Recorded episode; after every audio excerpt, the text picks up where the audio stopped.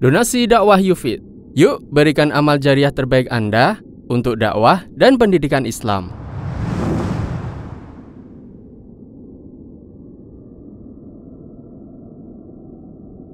Bismillahirrahmanirrahim. Assalamualaikum warahmatullahi wabarakatuh. Alhamdulillahi alamin.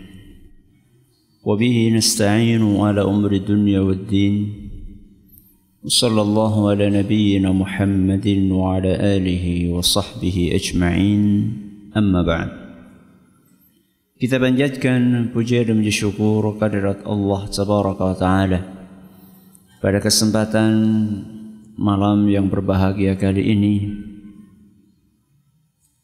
pada tanggal 4 Rabiul Tsani 1439 Hijriah atau yang bertepatan dengan tanggal 22 Desember 2017 kita masih kembali diberi kekuatan, kesehatan, hidayah serta taufik dari Allah Jalla wa Ala sehingga kita bisa menghadiri pengajian rutin untuk membahas adab dan akhlak di dalam agama Islam di Masjid Jenderal Besar Sudirman Purwokerto ini kita berharap semoga Allah Subhanahu wa taala berkenan untuk melimpahkan kepada kita semuanya ilmu yang bermanfaat sehingga bisa kita amalkan sebagai bekal untuk menghadap kepada Allah Jalla wa ala. Amin.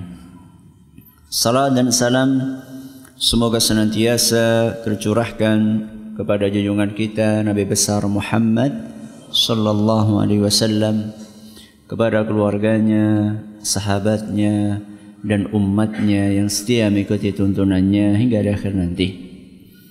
Para hadirin dan hadirat sekalian yang kami hormati dan juga segenap pendengar Radio Fika Insani 88.8 FM di Purwokerto, Purbalingga, Banyumas, Banjarnegara, Cilacap, Monosobo, Kebumen dan sekitarnya dan juga para pemirsa Yufit TV yang semoga senantiasa dirahmati oleh Allah Azza wa Jal.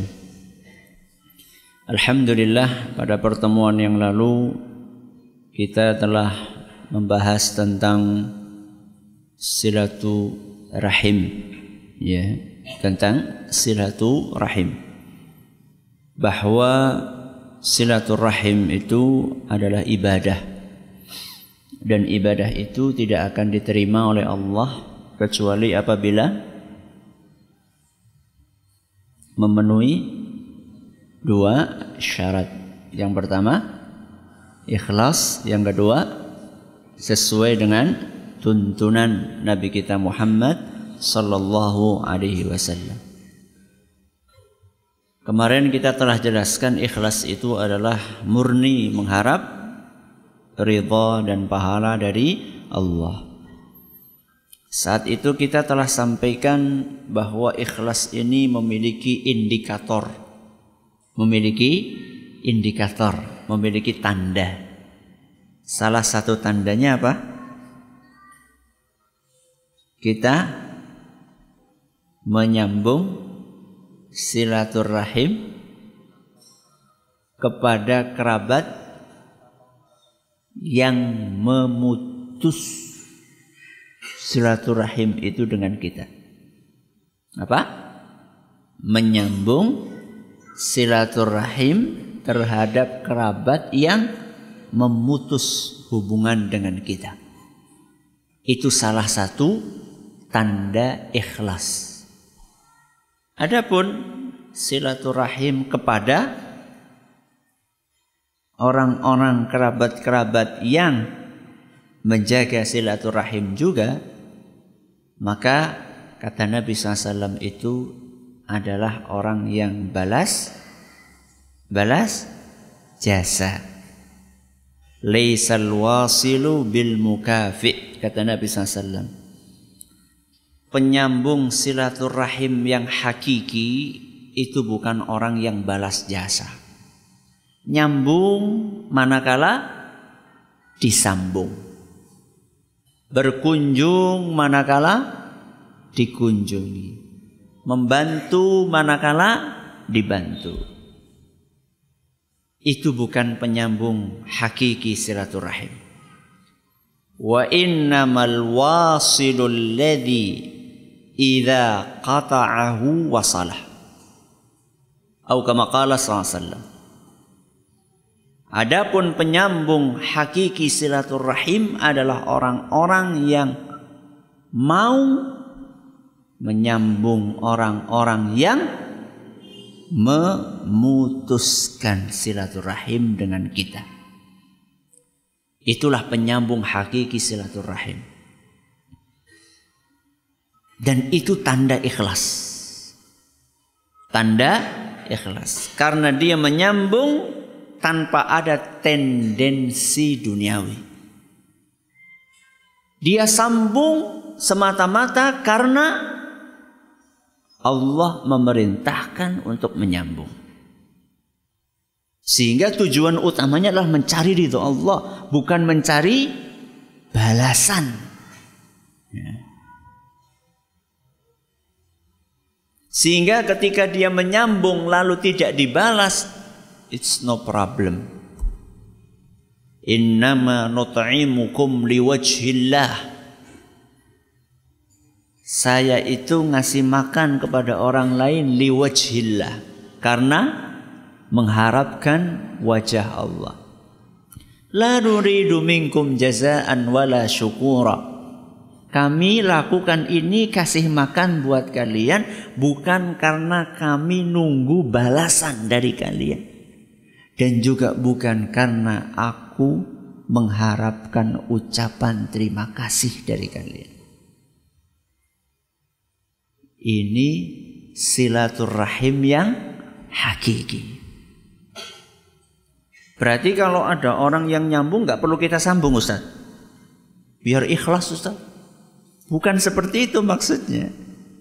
Yang nyambung ya tetap kita sambung. Tapi yang mutus berusaha kita sambung. Jadi yang disambung bukan hanya orang yang nyambung. Yang disilaturahimi bukan hanya orang yang mau silaturahim kepada kita. Termasuk orang yang tidak mau silaturahim kepada kita, kita silaturahimi. Ini pembahasan kita pada pertemuan yang lalu. Syarat yang pertama yaitu ikh, ikhlas. Syarat yang kedua, agar silaturahim kita diterima oleh Allah, hendaklah silaturahim itu sesuai dengan tuntunan. Tuntunan siapa? Nabi kita Muhammad sallallahu alaihi wasallam. Dan pembahasan tentang poin yang kedua ini panjang lebar. Ada buku di hadapan saya Judulnya Silaturrahim. Judulnya Silaturrahim. Lengkapnya Dawabitu fiqhiyatun wa tatbiqatun mu'asirah. Silaturrahim pembahasan tentang kaidah-kaidah fikih tentang silaturahim dan penerapannya di zaman kontemporer. Di zaman kontemporer contohnya SMS. SMS itu silaturahim bukan? Itu dibahas di sini. Ya. Video call. Ya. Email. Nah, itu termasuk silaturahim atau tidak? Ini namanya pembahasan kontem kontemporer. Ini aslinya tesis. Silaturahim aja dijadikan apa? Tesis untuk meraih gelar S2 ya. Dicetak 270 halaman. Saya akan ringkaskan dari 270 halaman ini dalam setengah jam. Ya, orang kita ngolih sebagian. Ya. Jadi silaturahim sesuai dengan tuntunan Caranya ada tiga. Caranya ada tiga. Yang pertama silaturahim dengan perbuatan. Silaturahim dengan perbuatan. Yang kedua silaturahim dengan ucapan.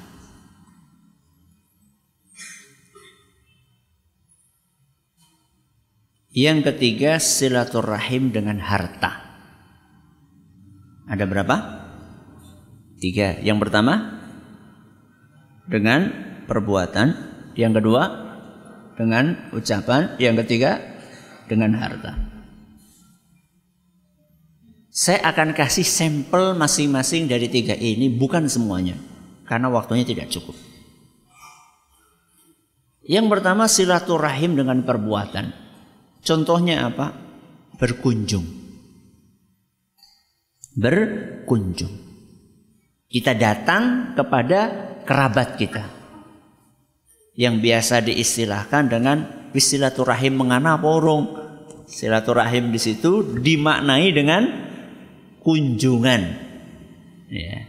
Padahal silaturahim itu lebih luas daripada sekedar kunjungan. Ada dengan ucapan, telepon, itu adalah si silaturahim. Cuman silaturahim dengan ucapan. Sekarang kita akan bahas yang pertama silaturahim bentuknya perbuatan. Contoh perbuatan adalah kun kunjungan. Orang dianggap silaturahim itu ketika dia berkunjung berapa kali dalam seminggu? Berapa kali dalam sebulan? Berapa kali dalam setahun? Sampai seorang dianggap dia nyambung. Para ulama kita mengatakan tidak ada dalil khusus. Harus sekali seminggu, sekali sebulan, sekali setahun. Selama tidak ada dalil khusus, maka dikembalikan kepada kebiasaan. Kebiasaan masyarakat tempat kita tinggal. Rata-rata orang itu berkunjung kepada kerabat itu berapa kali dalam seminggu, berapa kali dalam sepekan, berapa kali dalam sebulan, berapa kali dalam setahun. Berapa kali? Setahun sepisan? Masya Allah, kebanggaan teman. Jadi dikembalikan kepada apa tadi? Kebiasaan. Kalau kebiasaan di masyarakat itu seminggu sekali, seminggu sekali. Kalau kebiasaan di masyarakat itu sebulan sekali, sebulan sekali, setahun sekali, setahun sekali. Sepuluh tahun sekali, loh ya kebangetan. Kayaknya ya orang lah. Ya. Dikembalikan kepada apa tadi? Kebiasaan. Juga dilihat pula jarak rumah. Jauh dan dekatnya jarak rumah orang tersebut dengan kita. Sehingga kerabat yang rumahnya dekat dengan kita, dengan kerabat yang rumahnya jauh dari kita, intensitas kunjungannya berbeda. Sing se RT karo se RW karo se desa karo se kecamatan karo se kabupaten karo se provinsi karo se pulau karo se negara karo sedunia. Jangan punya kerabat di Eropa, eh mbok, ya. Punya kerabat di Eropa. Itu ya tidak sama intensitas tingkat keseringan kunjungan dia kepada dia kunjungan kita kepada dia dengan kunjungan kita kepada kerabat yang rumahnya satu RT sama atau beda? Beda kalau kunjungan ke Eropa kan butuh duit. Ya. Nah kunjungan ke kerabat satu RT nyeker be bisa. Ya. Gak perlu persiapan macam-macam, tinggal datang gitu. Ya, jadi dilihat kebiasaan, terus dilihat apa tadi? Jarak. Berikutnya dilihat dari level kedekatan kekerabatan level kedekatan kekerabatan. Orang tua dengan saudara ipar Dekat mana? Dekat mana? Orang tua jelas. Sehingga kunjungan kita kepada orang tua kandung kita itu seyogianya seharusnya lebih sering dibandingkan kunjungan kita kepada saudara sepupu kita, saudara ipar kita, atau Pak D kita, atau Pak Lek kita, paman kita, bibi kita. Berarti semakin dekat hubungannya dengan kita, maka tingkat keseringan kunjungan kita sebaiknya semakin banyak. Tapi tidak sampai level membuat yang dikunjungi itu terganggu. Ada sebagian orang kalau disilaturahimi sabendina gue orang seneng. Kenapa? Mentong-mentong akan gula? Bukan. Banyak aktivitas. Ya. Punya banyak aktivitas. Dan ada sebagian orang sehari tiga kali orang apa-apa malah nek bisa sedina ping lima. Ya. Ada sebagian orang seperti itu. Maka di sini kita perlu cerdas. Ya, di dalam mempertimbangkan orang ini dikunjungi berapa kali dalam seminggu, bahkan dalam sehari. Ini contoh yang pertama yaitu silaturahim dengan perbuatan contohnya adalah berkunjung. Contoh yang lain apa Ustaz? Contoh yang lain selain berkunjung adalah menengok dia ketika sakit. Menengok dia ketika sakit. Contoh yang lain juga takziah ketika meninggal dunia. Contoh yang lain juga adalah menghadiri undangan. Menghadiri undangan. Apa bedanya antara menghadiri undangan dengan kunjungan? Kalau kunjungan itu tanpa tanpa undangan. Berarti tamu Yo, yo itu tamu tak diundang. Itu bedanya antara undangan, menghadiri undangan dengan kunjungan. Kalau kunjungan itu tanpa diundang. Nah, berarti kalau sudah diundang itu levelnya lebih tinggi. Ya. Apalagi yang undang adalah kerabat. Sehingga kita perlu perhatikan bahwa kalau kerabat yang undang itu ada prioritasnya. Jadi jangan sampai prioritas kita itu hanya wah ini anu pejabat ngundang ya mas ora teka ya. Tapi begitu yang ngundang adalah kerabat sendiri malah nggak datang jangan. Justru kerabat itu punya prioritas.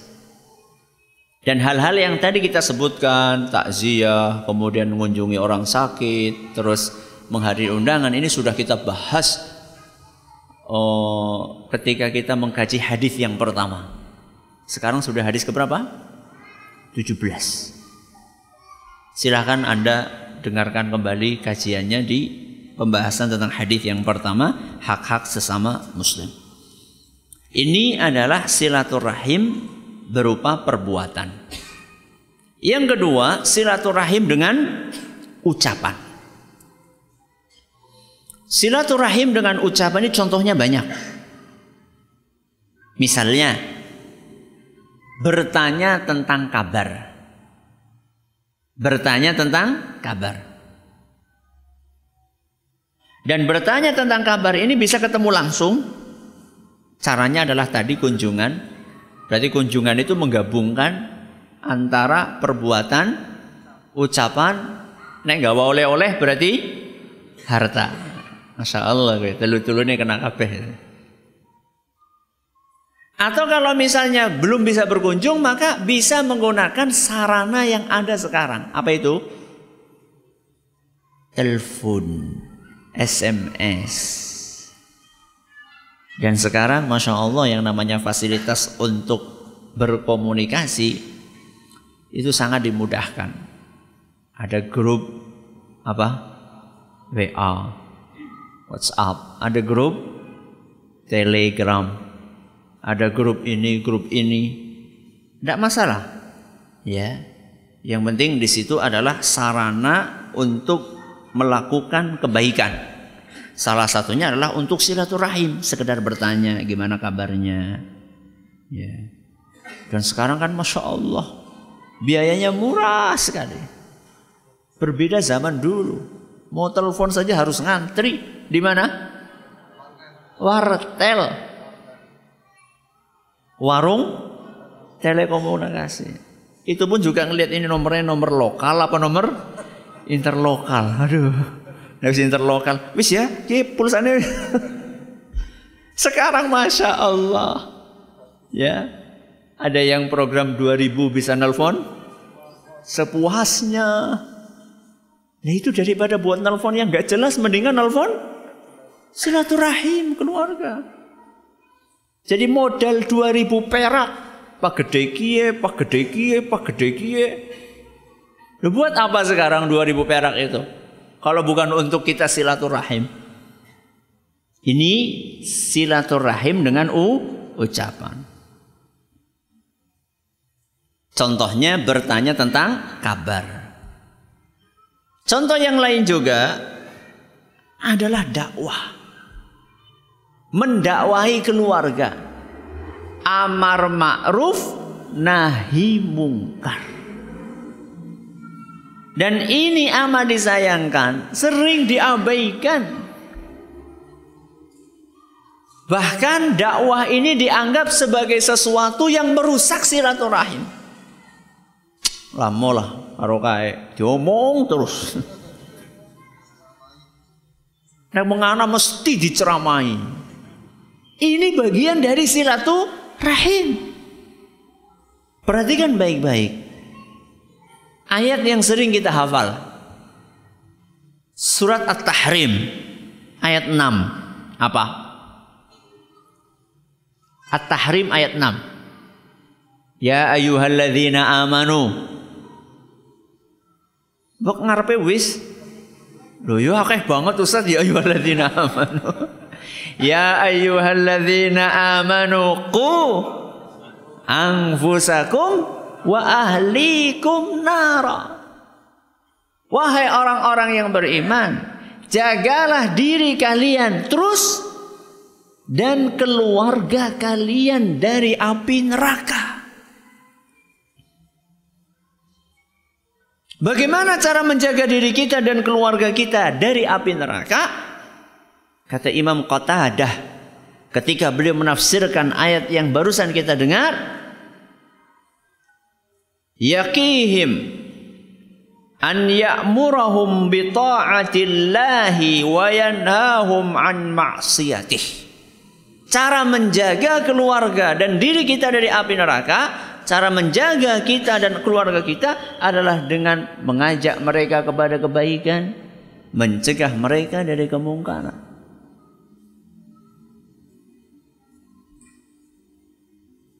Jadi bukan termasuk orang yang menjaga silaturahim ketika melihat saudaranya melakukan kemungkaran dibiarkan padahal dia mampu untuk mengingatkan. Sudah tahu kerabatnya, mungkin malah bapaknya, mungkin malah ibunya, malah mungkin anaknya, sudah tahu mereka melakukan kemungkaran dibiarkan. Itu bukan silaturahim. Coba sekarang kita pikirkan, kerabat-kerabat kita mulai yang terdekat ayah, ibu, anak, kakak, adik, pak D, bude, pak le, bule. Coba perhatikan, adakah di antara mereka yang masih melakukan kesyirikan? Adakah di antara mereka yang masih melakukan maksiat, masih buka aurat, belum pakai jilbab? Ada? Ada enggak? Anaknya dewek,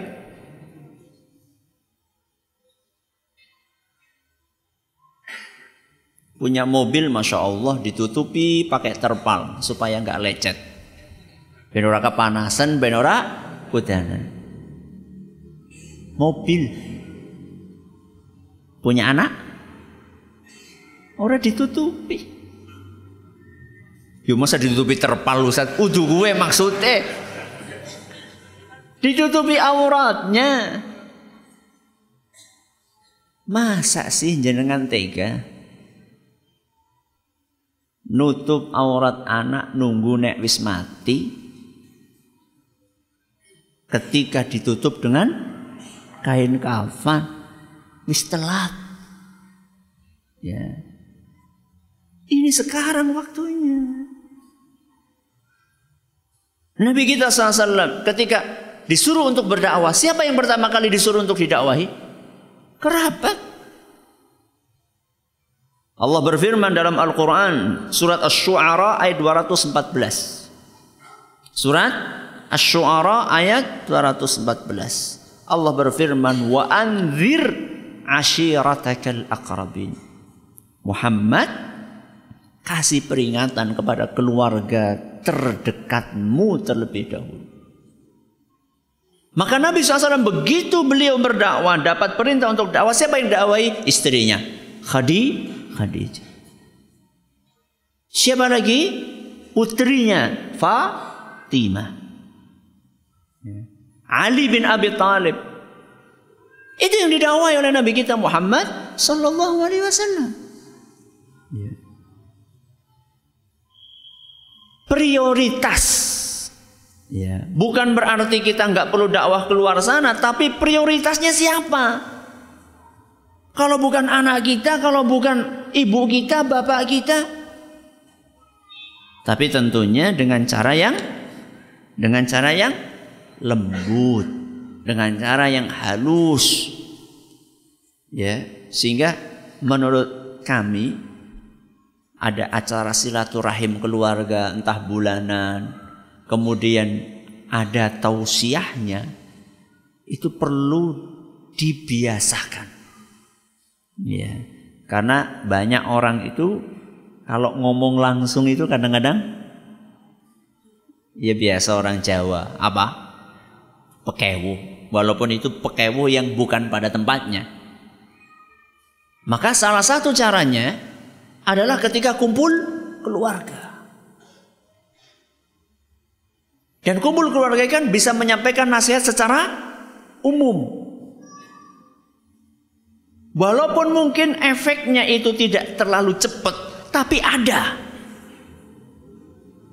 Kami ingat sekali, ingat sekali, uh, kumpulan keluarga, ya, kumpulan keluarga bulanan sudah berapa tahun dirintis oleh ayah kami Allah yarham Sazini Muhayyad rahimahullah taala. Saya ingat sekali dulu ketika beliau awal-awal ngisi, Masya Allah keluarga itu masih rata-rata nggak jilbaban, rata-rata nggak gudungan, rata-rata. Dakwai, dakwai sebulan sekali, sebulan sekali, sebulan sekali. Sekarang alhamdulillah rata-rata gudungan. Kalau dulu rata-rata rakudungan, sikit rata-rata kudungan. Berapa tahun Ustaz? Ya anak pira berapa belas tahun lah. Kok lama banget? Tapi kan ada efeknya. Ya. Jadi jangan putus asa. Rata-rata pas pertama kali udut. Siki Arab udut isin. Mendingan tau isinnya. Nya Arab udut ya metu itu. Mending apa enggak? Mending. Berarti masih punya malu. Ya. Dan banyak yang sudah meninggalkan. Ini namanya pro proses dakwah. Ya. Semampunya. Ini sampel yang kedua silaturahim dengan ucapan. Termasuk juga doa. Doa itu juga termasuk silaturahim dengan u, ucapan. Mendoakan saudara-saudara, mudah-mudahan mereka mendapatkan hidayah. Mudah-mudahan mereka dikaruni kesehatan, mudah-mudahan mereka dijaga oleh Allah dari hal-hal yang tidak baik. Sudah. Berarti kita sudah membahas berapa? Dua. Pertama silaturahim dengan perbuatan, yang kedua silaturahim dengan ucapan. Nah, yang ketiga. silaturahim dengan harta. Silaturahim dengan harta. Contohnya bagaimana Ustadz? Contohnya kasih nafkah. Contohnya kasih nafkah. Juga kasih sedekah. Nafkah terus apa? Sedekah. Juga hadiah. Juga hadiah. Dan yang mungkin jarang jenengan dengar dan nanti kita akan tutup dengan pembahasan itu wakaf. Wakaf untuk kerabat. Nanti kita akan baca. Yang pertama apa tadi? Kasih nafkah. Siapa ustadz? Ya terutama yang paling dekat. Anak dan kalau istri ya kasih memang sudah kewajiban. Anak, orang tua. Ya. Dan ini hukumnya wajib. Menafkahi anak dan menafkahi siapa? Orang tua. Menafkahi anak insya Allah sudah umum lah. Saya akan bahas yang menafkahi orang tua. Nabi saw bersabda, dalam sebuah hadis yang diriwayatkan oleh Imam Abu Dawud. Dan hadis ini nyatakan sahih oleh Syekh Al-Albani. Inna auladakum min atyabi kasbikum. Anak kalian, wahai para orang tua, adalah mata pencaharian terbaik atau salah satu mata pencaharian terbaik. Apa? Wahai para orang tua, anak kalian adalah salah satu mata pencaharian terbaik. Maksudnya bagaimana? Fakulu min kasbi auladikum. Makanlah kalian dari hasil pekerjaan anak-anak kalian. Yang masih punya orang tua. Yang merasa jadi orang tua. Kising seneng siapa ke? Wong tuane apa anaknya? Wong tua, alhamdulillah rasa pahal mana? Bukan seperti itu. Ketika Anda sudah lanjut usia, sudah sulit untuk bekerja, maka di sinilah wajib, wajib, wajib. Buat siapa? Anak. Laki-laki apa perempuan? laki-laki perempuan untuk menafkahi orang tuanya. Wajib. Berarti kalau tidak dilakukan dosa. Dan perlu saya tekankan. Karena di zaman kita ini banyak potret kedurhakaan anak kepada orang tua gara-gara masalah ini.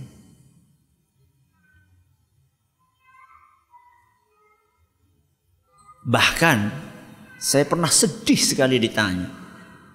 Live tentang seorang yang mengeluhkan kakaknya. Mengatakan Ustadz bagaimana saya menasihati kakak saya.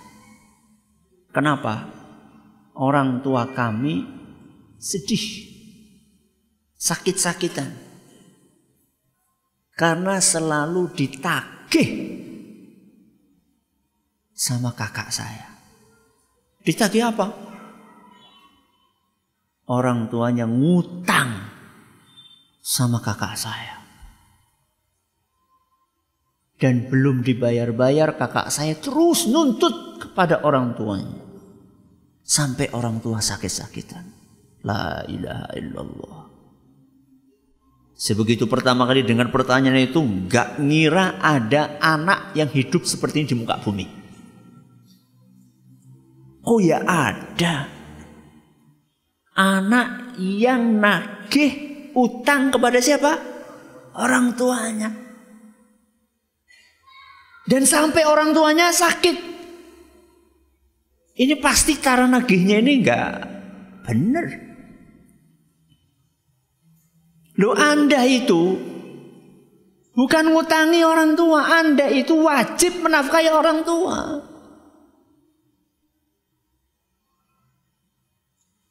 Sehingga para sahabat dahulu sampai apa pun yang diinginkan oleh orang tuanya, selama itu bisa mereka penuhi, mereka akan penuhi. Saya lupa seorang sahabat Nabi SAW namanya siapa saya lupa. Suatu saat bapaknya ini pengen atau ibunya itu pengen sayur isinya wit kelapa apa jenenge ke? Pon pondoh. Pondoh. Berarti kayak salak pondoh ya. Pondoh. Pondohnya kurma. Bukan pondohnya kelapa. Orang anak jarang nengkana kelapa, adanya kurma. Bapaknya ini pengen pondohnya kelapa. Eh, kelapa, kurma, ya. Dan saat itu kurma kurma sedang mahal-mahalnya. Kurma nih, kurma nih. Apa maning? Wite. Kurma sedang mahal-mahal. Anak ini, sahabat ini punya duit. Mahal. Dia beli pohon kurma yang terbaik. Setelah dibeli, sedang berbuah lebat, dia suruh potong kurma. Ditebang itu pohon. Uh, pada kaget. Duit larang-larang kok. Ditegur. Gue ngapa? Anu Arab jukut pondoe. Buat bapak saya. Bayangkan. Jadi itu bukan minta soto, minta apa? Bakso. Minta gudeg, yang harganya masih terjangkau. Ini ada orang tua, anak. Orang tuanya minta, belikan soto yang di sana. Soto maning, soto maning. La haula wa la quwata illa billah. Regane pira soto 10 ibu? Ya tapi kan sotone sing larang pira larangnya 20 ibu? 20 ribu mahal buat orang tua. Andai kan ada soto regane sejuta, andai kan, ya. Jadi bagi aja dodolan soto regane sejuta karena sing tuku. Andai kan ada soto harganya sejuta, orang tua kita pengen dan kita bisa belikan. Silaturahim wajib. Ya, menafkahi orang tua hukumnya wajib. Tapi Bukan berarti kemudian Anda mengabaikan nafkah wajib yang lainnya. Anak dan is, istri. Kadang-kadang atau beberapa saat lalu saya ditanya, Ustadz bagaimana dengan seorang anak yang tidak menafkahi istrinya? Kenapa? Karena dia menafkahi bapaknya. Loh, yura ya jadi. Ini wajib, ini juga wajib. Jangan dibentur-benturkan. Yeah. Ini nafkah kepada siapa? Orang tua. Apalagi ketika orang tua itu sedang butuh. Itu lebih wajib lagi. Nabi SAW mengatakan, Fahum wa amwaluhum lakum idah tajtum ilaiha. Kata Nabi SAW, wahai para orang tua, anak kalian dan harta mereka adalah milik kalian. Apa? Anak kalian dan harta mereka milik kalian. Kalian di sini siapa? Orang tua. Idah tajtum ilaiha. Ketika kalian butuh kepada harta tersebut. Hadis riwayat Al-Hakim dan dinyatakan sahih oleh Syekh Al-Albani. Ini para wong tua senang banget ya. Aku butuh rumah. Le, metu mana? Ki ngomongnya gonyong. ya enggak seperti itu. Ya.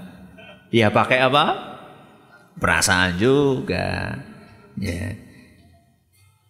Terutama ketika orang tua tidak mampu lagi.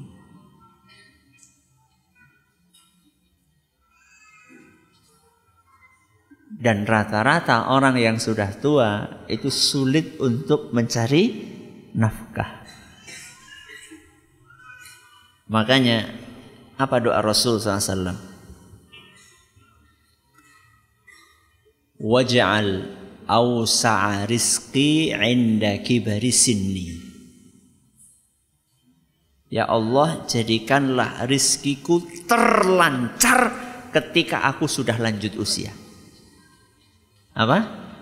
Jadikanlah rizkiku terlancarnya kapan? Ketika sudah lanjut usia. Kenapa? Karena saat itu kita sudah sulit untuk mencari nafkah. Karena fisiknya sudah tidak seperti dulu. Dan tidak semua orang ketika tua punya pensiunan. Bahkan rata-rata nggak punya pensiunan, betul? Di antara yang hadir ini, yang PNS berapa persen? Lebih banyak yang non PNS. Loh bagaimana non PNS gak ada penghasilan nanti kalau sudah tua nggak bisa lagi macul nggak bisa. Siapa lagi yang akan menafkahi kalau bukan anak? Minimal gantian, minimal. Gue minimal ya, minimal. Anda dinafkahi sama orang tua Anda berapa tahun?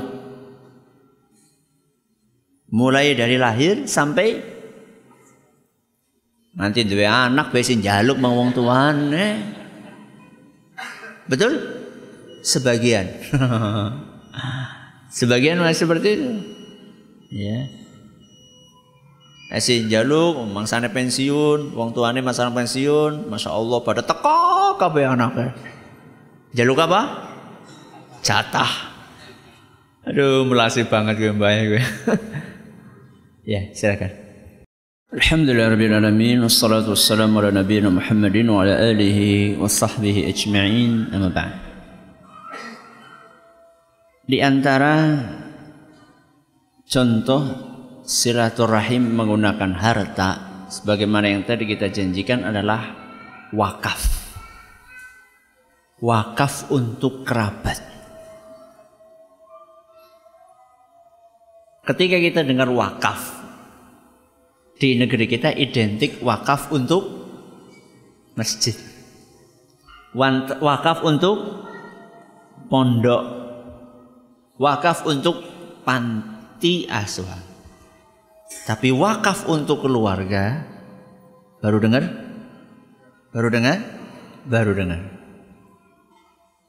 Padahal pada zaman Nabi SAW sangat biasa. Sangat familiar. Salah satunya sebuah hadis yang diriwayatkan oleh Imam Bukhari. Hadis sahih yang diriwayatkan oleh Imam Bukhari yang menceritakan tentang seorang sahabat yang biasa dipanggil dengan Abu Talha. Siapa? Abu Talha. Abu Talha ini adalah salah satu sahabat yang kaya. Bahkan disebutkan salah satu yang terkaya di Madinah. Di antara hartanya adalah kebun, kebun kurma. Punya kebun kurma di sini, di sini, di sini, di sini. Di antara sekian kebun kurma yang paling dia sukai, kita kan punya tanah, mungkin punya tanah di beberapa lokasi. Tentunya ada salah satu lokasi yang paling kita sukai karena strategis. Terus menghasilkan ya.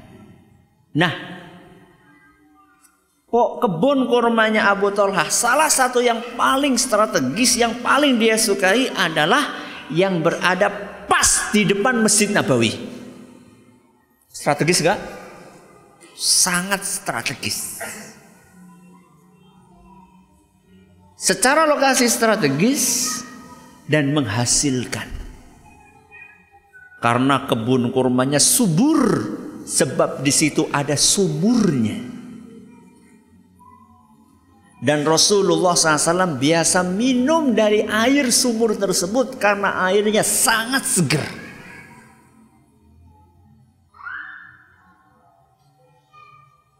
Suatu hari turun ayat Allah yang berbunyi lan tanalul birra hatta tunfiqu mimma tuhibbun.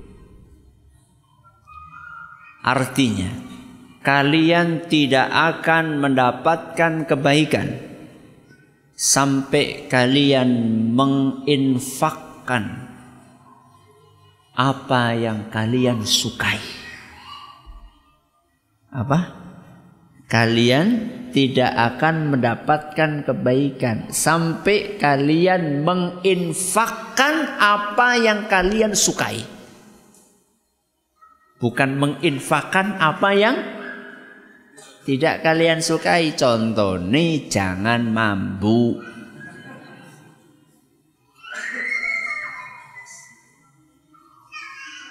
Peyek melempem.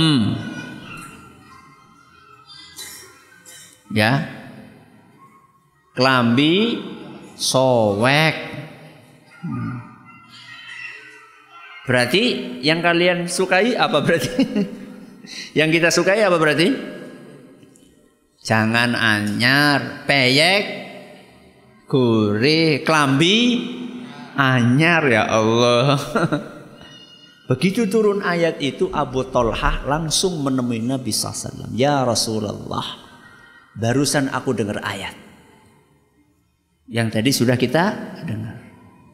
Wahai Rasul, dari sekian hartaku yang aku miliki, yang paling aku sukai adalah kebun yang berada di depan Masjid Nabawi. Ini yang paling aku sukai. Wahai Rasul, engkau saksinya. Aku ikrarkan tanah itu sedekah lillahi ta'ala. Tapi saya mohon kepadamu wahai Rasul pos pos sedekahnya ini yang mana? Apa sih pos? Kita sedekah itu kan posnya bisa buat masjid, bisa buat pesantren, bisa buat anak yatim, bisa buat orang miskin. Itu namanya pos. Ya. Jadi sedekah ini menurut engkau wahai Rasul yang terbaik saya alokasikan di mana? Perhatikan baik-baik. Apa jawaban Nabi SAW? Ini lokasinya pas di hadapan masjid. Apa kata Nabi Wasallam? Sebelum beliau menunjukkan pos yang ideal, Beliau mengatakan bakhin dzalika malun rabih, bakhin dzalika malun rabih. Bakhin itu kalau mungkin dibahasakan kita apa? Ungkapan apa? Takjub kagum. Ini harta yang menguntungkan, ini harta yang menguntungkan, ini harta yang menguntungkan. Nabi SAW mengatakan wa inni ara an taj'alaha fil aqrabin. Dan aku memberikan masukan kepadamu alokasikan harta ini alokasikan kebun ini buat kerabatmu.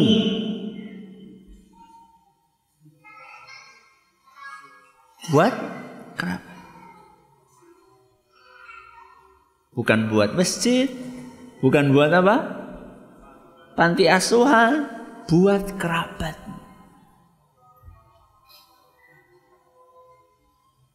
Kalau sekarang ada orang tanah apa namanya?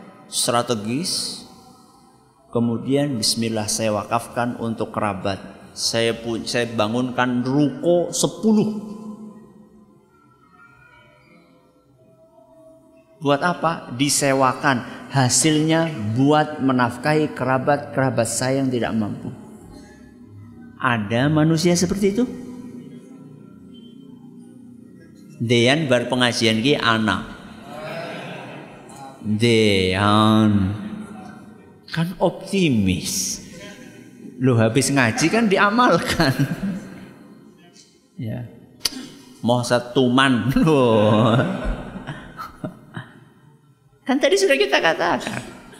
Ya, menyambung orang yang memutus. Jadi kesimpulannya uh, silaturahim sesuai tuntunan Rasul ada berapa cara tadi?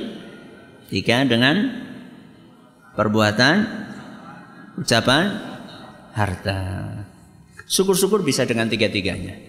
Kalau yang mungkin hartanya sedikit seperti pertanyaan ini Ustadz bagaimana dengan seorang wanita yang sudah bersuami? Dia tidak mempunyai penghasilan kecuali dari nafkah yang diberikan suaminya. Bagaimana cara menafkahi orang tua?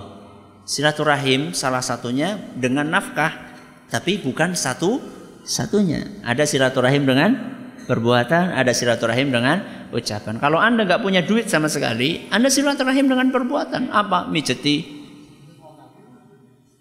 menghibur orang tua ngobrol, ya, sering berkunjung, ya, membantu apa yang bisa dibantu pekerjaan rumah. Jadi ketika Anda pergi ke rumah orang tua aja kurang akan segato. Ya begitu ngelihat banyak piring yang kotor, cuci, begitu ngelihat ternyata lantainya masih kotor, sapu pel itu itu termasuk silaturahim dengan per perbuatan. Terima kasih atas perhatiannya menuntut segala kononnya kita tutup dengan membaca Subhanakallahumma bihamdika asyhadu an la ilaha illa anta astaghfiruka wa atubu Assalamualaikum warahmatullahi wabarakatuh. Donasi dakwah Yufid. Yuk berikan amal jariah terbaik Anda untuk dakwah dan pendidikan Islam.